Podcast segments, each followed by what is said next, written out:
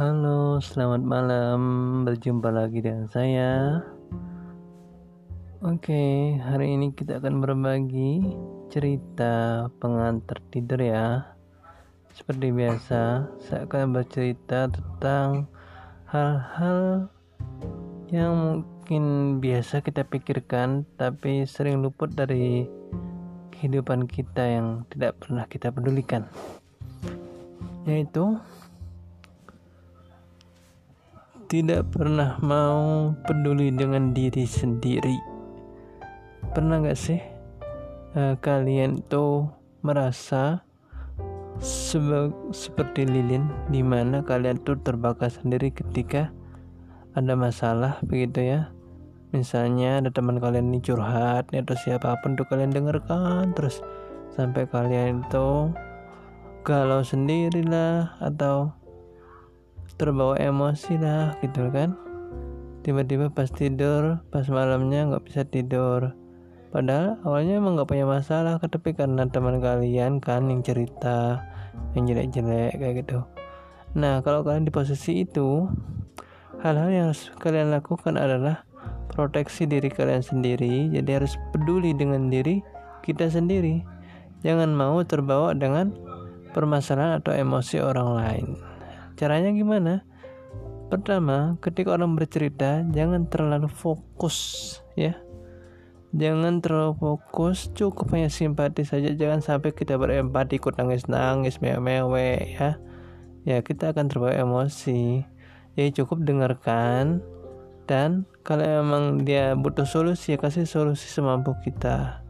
Jadi sebenarnya orang bercerita itu ya katarsis saja supaya mereka itu nggak galau lagi kayak gitu. Jadi kita juga sama. Ya kita tampung ceritanya gitu kan. Tapi jangan sampai kita masukkan masalah-masalahnya tuh ke dalam hati kita dalam kehidupan kita keluarga kita. Ya yang jadi berabe kita sendiri yang jadi kena masalah. Itu ya yang pertama. Kemudian tips yang kedua caranya ini eh, kalau kalian misalnya nih menemukan orang yang minta didengar terus kalau ada masalah apa minta dengar gitu.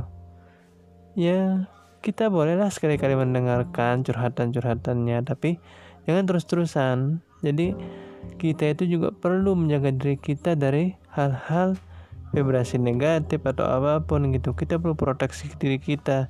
Jadi anda perlu waktu. Kapan harus bisa dicurhatin dan tidak jadi ada waktu tersendiri buat diri kita untuk menjaga diri kita dari hal-hal yang negatif atau jelek seperti itu. Jangan seperti toilet tahu toilet nggak? Toilet itu pas orang butuh aja baru ke sana pas orang mau kencing orang mau pipis baru ke sana. Tapi kalau udah nggak butuh ya udah toilet itu di toilet itu sebagai hal yang menjijikkan.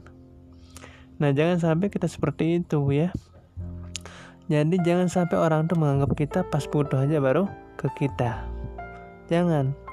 Jadi kita juga harus punya waktu kapan mereka mau cerita sama kita. Jangan sembarangan mau ceritain. Jadi jelasin kepada mereka.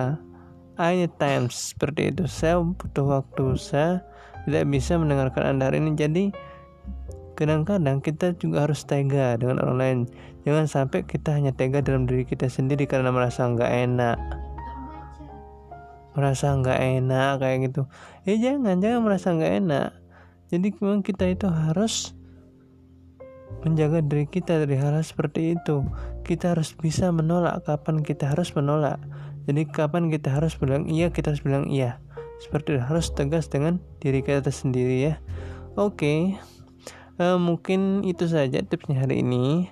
Jadi semoga tidur anda Anda semua yang mendengarkan lebih nyenyak ya. Jadi mulai sekarang tolong kita jaga diri kita, peduli dengan diri kita, tidak hanya peduli dengan di luar kita.